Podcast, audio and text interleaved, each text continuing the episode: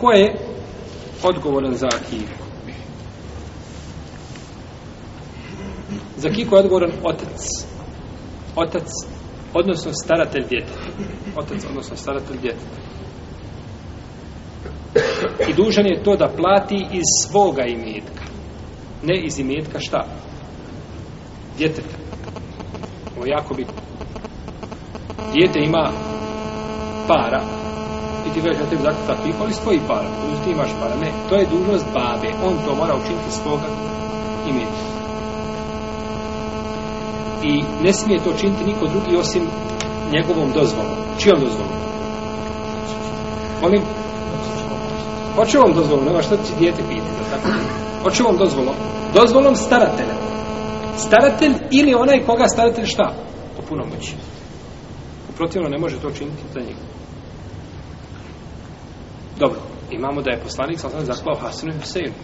A su oni imali babu? Aliju. Allah te alanu. Kako je poslanik sam sam mogao klati?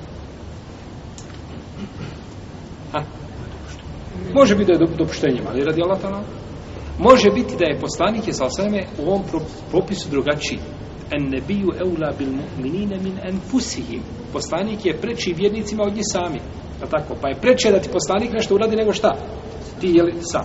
I došlo je u jednom hadisu koji ma slab lanac prenosila sa bilježi ga mame Bujala i bilježi ga Tabarani da je poslanik sallallahu sallam rekao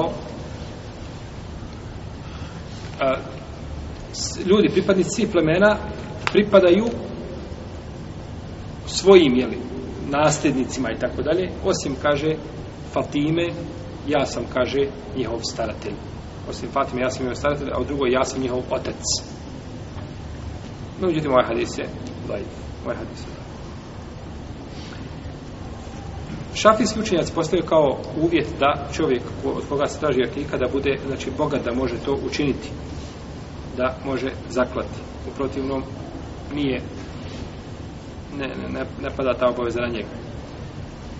A Hambelije kažu čak i kad ne bi bio bogat, neka pozajmi. I od imama Ahmeda se prenosi, to je poznato gdje god da spominju, u knjigama Fika to spominju od imama Ahmeda, kažu, hoće li pozajmiti pare za akiku? Kaže, hoće.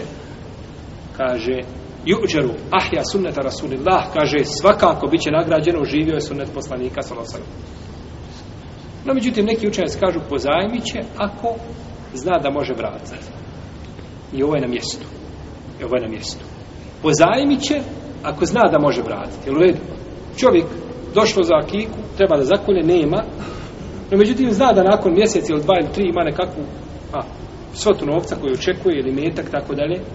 Očekuje janjce da će moći prodavati, čele, med, nije bitno, pa da će moći vratiti, no međutim, čovjek nema ni u lijevoj, ni u desnoj, i onda pozajmi i zakolje akiku. Dođe vrijeme hađa, pozajmi i ode na hađ. Jer u redu. A nikad ne očekuje da mogu ima šta da vrati. Isto je pitanje propis hađa. Čovjek može ići na hađu po zajmu, tako ima mogućnost i očekuje da će moći šta? Vrati, jel u redu? Dolazi iz zemlja, prepisuje se, babom ostavio zemlju, prepisuje se, to je proces u toku, odoh ja na hađ, pozajmit ću pare, kada se vratim, zemlja će doći, ja ću zemlju prodati, nije, nema, nikakav nije problem, nije sporno. No, međutim, ako čovjek nema, e onda je bolje da, znači, da čini ono, zbog čega će ga glava boljeti, a šerijet ga ne duži, šerijet ga time ne oba vezuje pa je dozvoljeno znači čovjeku da pozajmi za knjigu, tome nema nikakve smetnje.